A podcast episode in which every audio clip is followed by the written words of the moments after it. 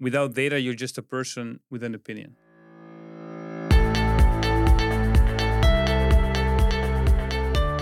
Welcome. My name is Eva Klinkert, CMO at Archipel Academy, and I'm your host of Fit for the Future podcast. In today's episode, we will talk about AI Unleashed three indispensable tips for harnessing AI in your LMS.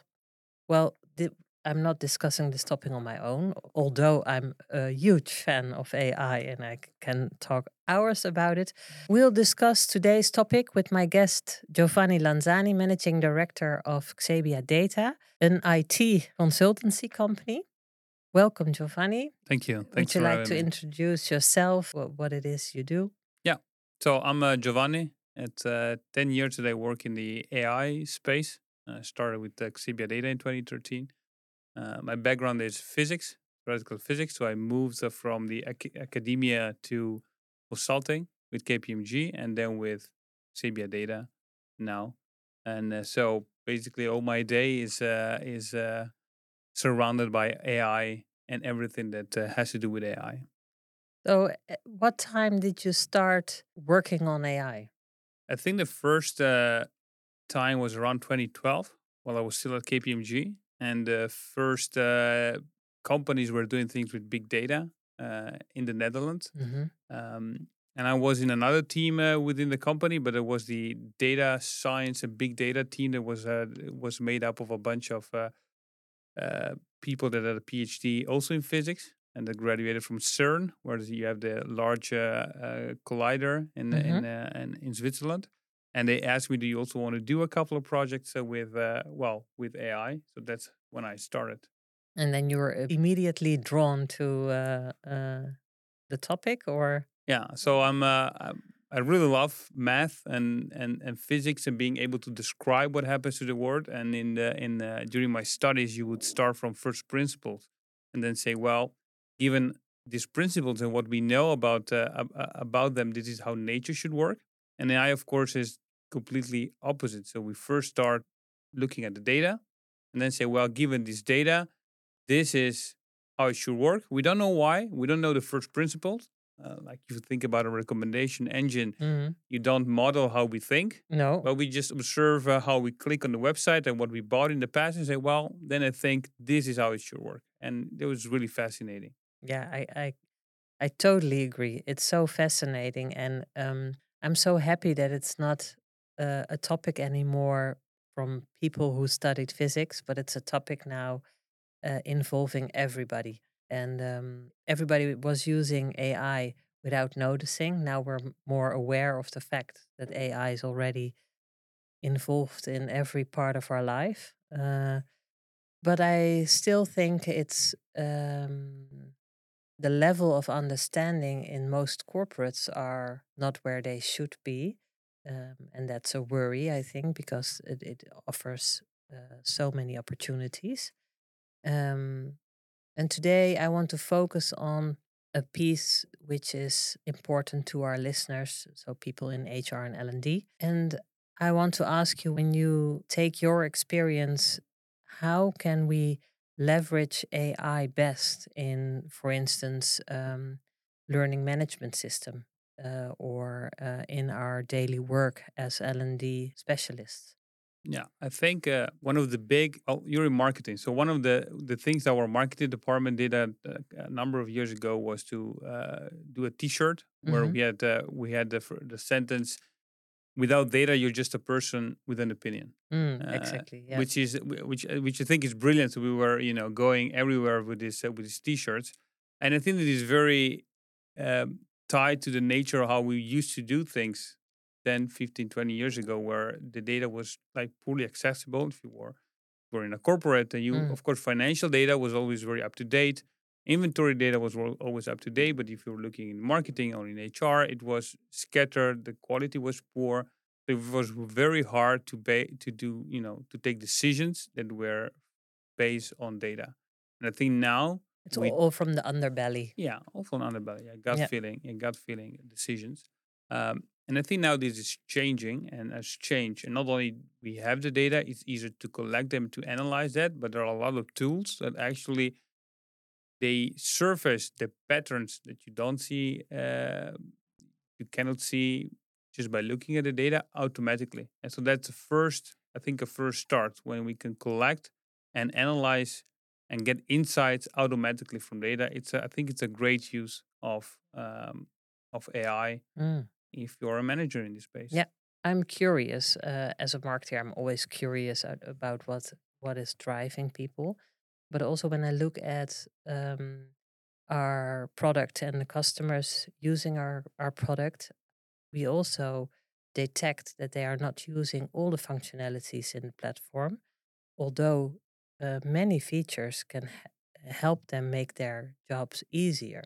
So I'm curious whether it's the fact that they are not aware of the possibilities, or uh, is it that they are afraid because they don't know how to use it, or that they are not capable of using the data?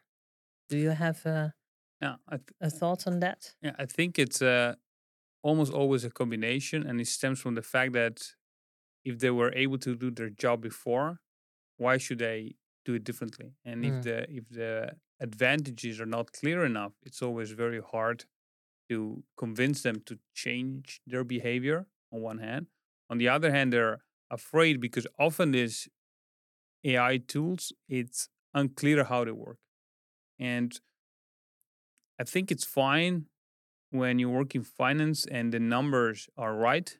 You're not so afraid of the of, the algorithm. You have you, have a hard proof that uh, what you're doing is correct.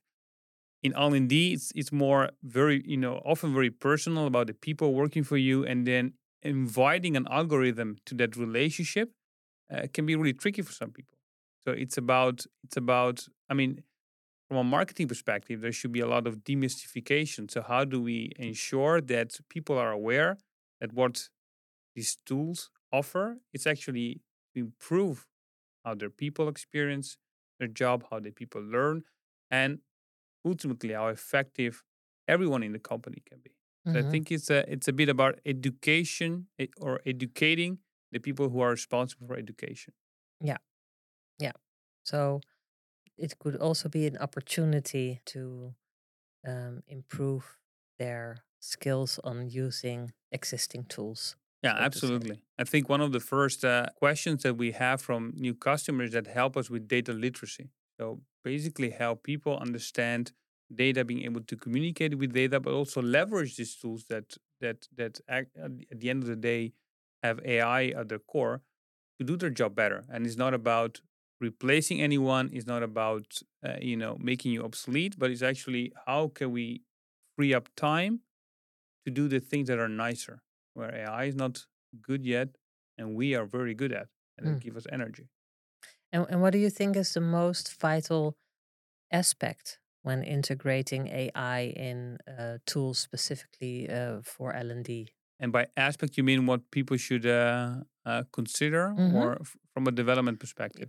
Yeah, no, well, when they start using tools like, for instance, an LMS um, and uh, they are a manager and they integrate it into their work, wh- what is most important for them to focus on?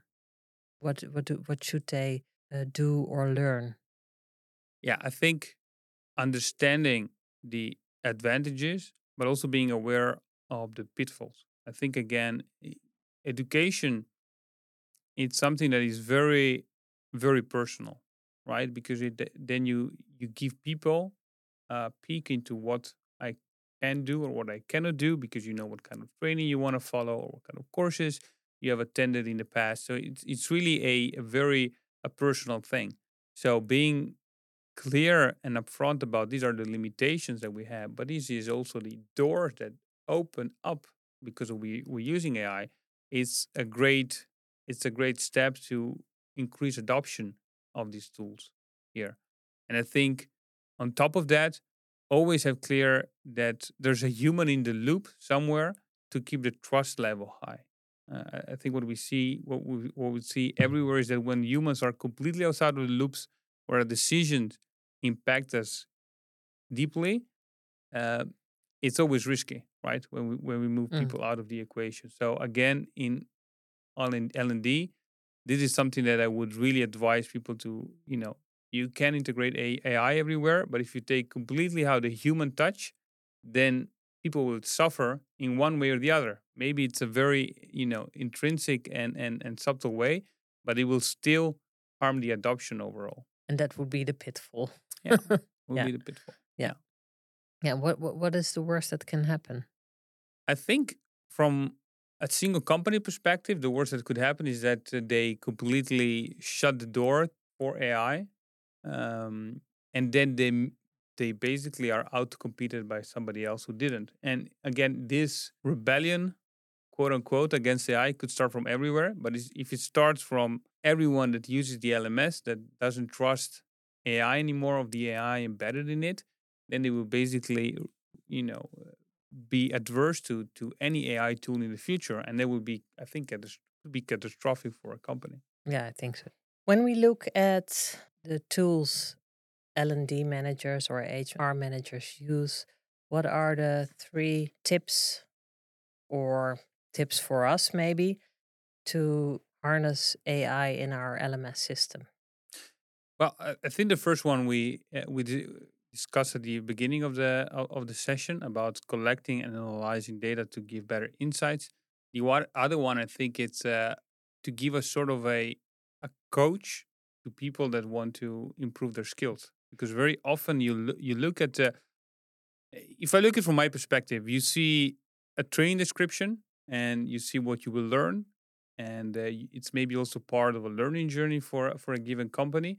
But it's very hard to put together a puzzle that is soft skills, hard skills, and maybe you have a training for a, with a particular company and another training with another company. So it's very hard to parse that information, and and also things that so simple as a training description.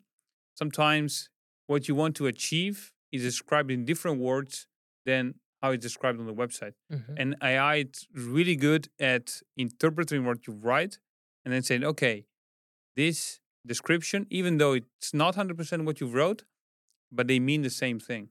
So I will take this training and I will put you in the learning journey for you because it fits this kind of bigger picture, it's kind of this overarching theme.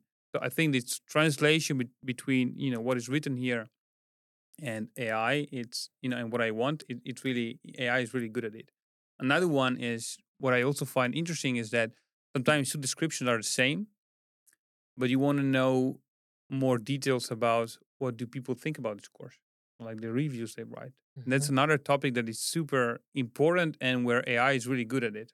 Uh, right now, if I look at a lot of the training questions that are asked after a training, like uh, how did you like it? How did you like the location? How did you like this? How did you like? Uh, was there enough time for question? Uh, and and and you you ask so many questions because it's very hard from a piece of text to understand what was the quality of the training. So we try to divide it in very small topics and then say, you know, to everyone, rate it from one to five.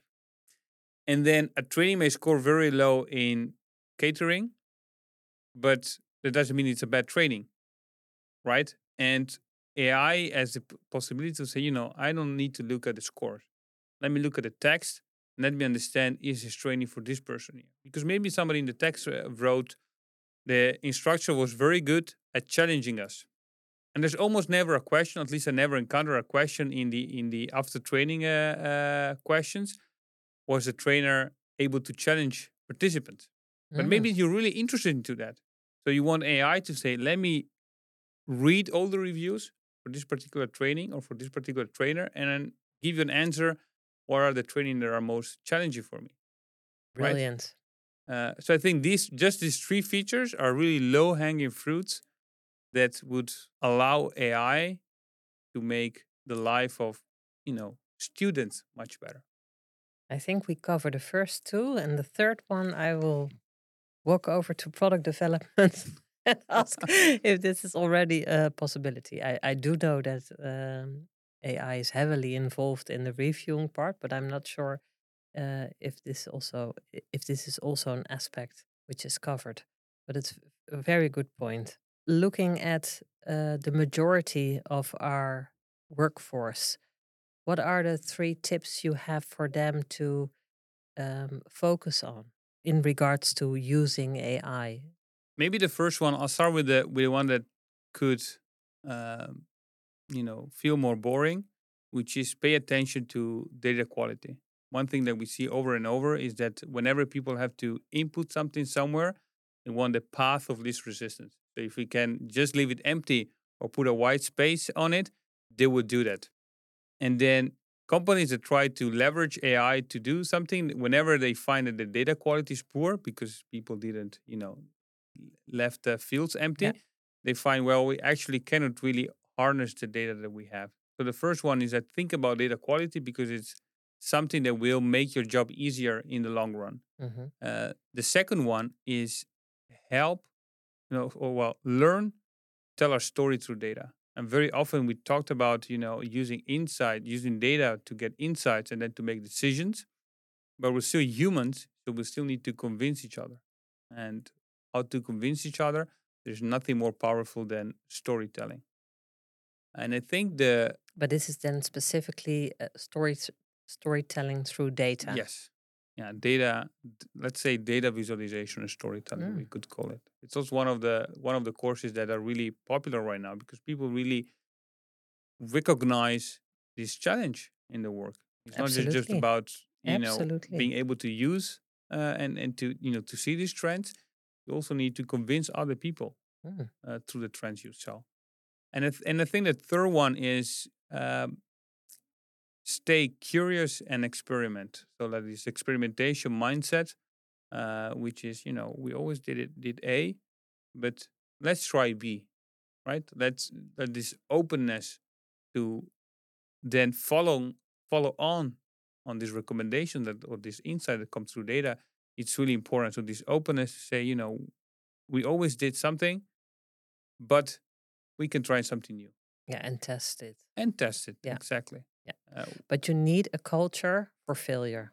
You need a culture that allows failure. Yeah. Of yeah. course. And that celebrates success as well. Yeah. Uh, because if there's no go, there's no car- there's no carrot, yeah. yeah. there's no carrot, then it's also really really hard. Yeah. Thank you so much. So I loved your answers. Also great insights for me as well.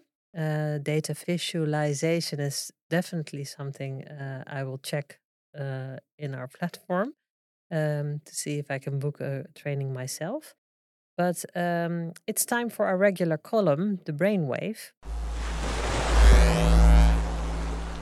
And in this column, our guests are given the opportunity to pick a card. You see three cards in front of you, and the card either features the dilemma, a dilemma about our topic, the innovation, pointing out a new trend or innovation, or the bullshit bingo. And then you should name a topic, a theme, a word that is much talked about in your area or your field of work, but is overrated or even downright nonsense. So you okay. can grab a card. Ah, the innovation. innovation. I think that's also a good one for you. Let me see. You could highlight a new AI based innovation in LMS or uh, a personalized uh, learning pathways. What could be an innovation? Yeah, I think that what I was really inspired a couple of months ago is to see what the Khan Academy. Uh, it's uh, it's an online, uh, well, on-demand training provider, uh, has done with generative AI. Mm-hmm. And they built a tool called uh, Khanmigo, if I remember correctly, a, a mix between the Khan and Amigo, which yeah. is a friend in Spanish. And basically, what they offer was a real-time coach based on the on-demand material they had uh, through AI. So the coach would be able to read the text to understand what, uh, well, quote unquote, understand what the material was about, and then to ask questions to the student at the end of the section to make sure that they really understood. If they didn't understood something, the tool could explain, um, you know, actually this is how um, you should do it. And the tool also is able to help when people are stuck on exercises by outlining what the thought process should be to come to an answer for the exercise. And the the thing that was interesting there is that we have a lot of coaches. If you look, you know, human coaches. If you look at things like uh, liberal arts, well, when you go to topics such as programming, you don't have a, a lot of programmers that are also teachers. So having a coach that understands programming and that can help people program better is a kind of a breakthrough because Mm. then we kind of fix one of the bottlenecks to have more people, especially also women and, and, and, and, and minorities, go into programming because then now you have a coach that understands the material that of course is scalable. There is no real So it's person behind coaching it. on the job. Yeah, it's basically well, it's actually coaching what you learn. So you learn some material, but you don't understand. So the coach jumps in again. It's an AI, it's an Mhm. LLM. So and, and he understands. Okay, what are we looking at? What you don't understand. This is the thought process to understand it. Or when you you're stuck on an exercise, it helps and corrects you if needed. I think that's a great innovation that would open up the door to learning to a lot of people worldwide. I think also for uh, smaller children, for in school, for instance, uh, I think there are. Um, um, my daughter just went to a high school now. Uh, math is around the corner. She has two parents who are not really good at math. So now, first year, it's still uh, doable. But I think there are a lot of people who have difficulties helping their children with specific Yeah. topics. Would be And, uh, great if yeah. you can. And uh, an AI is uh, much uh, more patient than uh, us or uh, Absolutely. real teachers. Yeah, yeah. Absolutely. Yeah. Um, yeah. And maybe she won't roll her eyes against uh, AI. Well, she'll doom and nobody will see. okay. Thank you so much for being here, Giovanni. Thanks again for Um, having me. And um, was a great conversation. Thank Thanks. you. Would you like to hear more inspiring stories and stay informed about the latest trends in HR and L&D? Then listen to the other episodes of our podcast Fit for the Future series by Archipel Academy.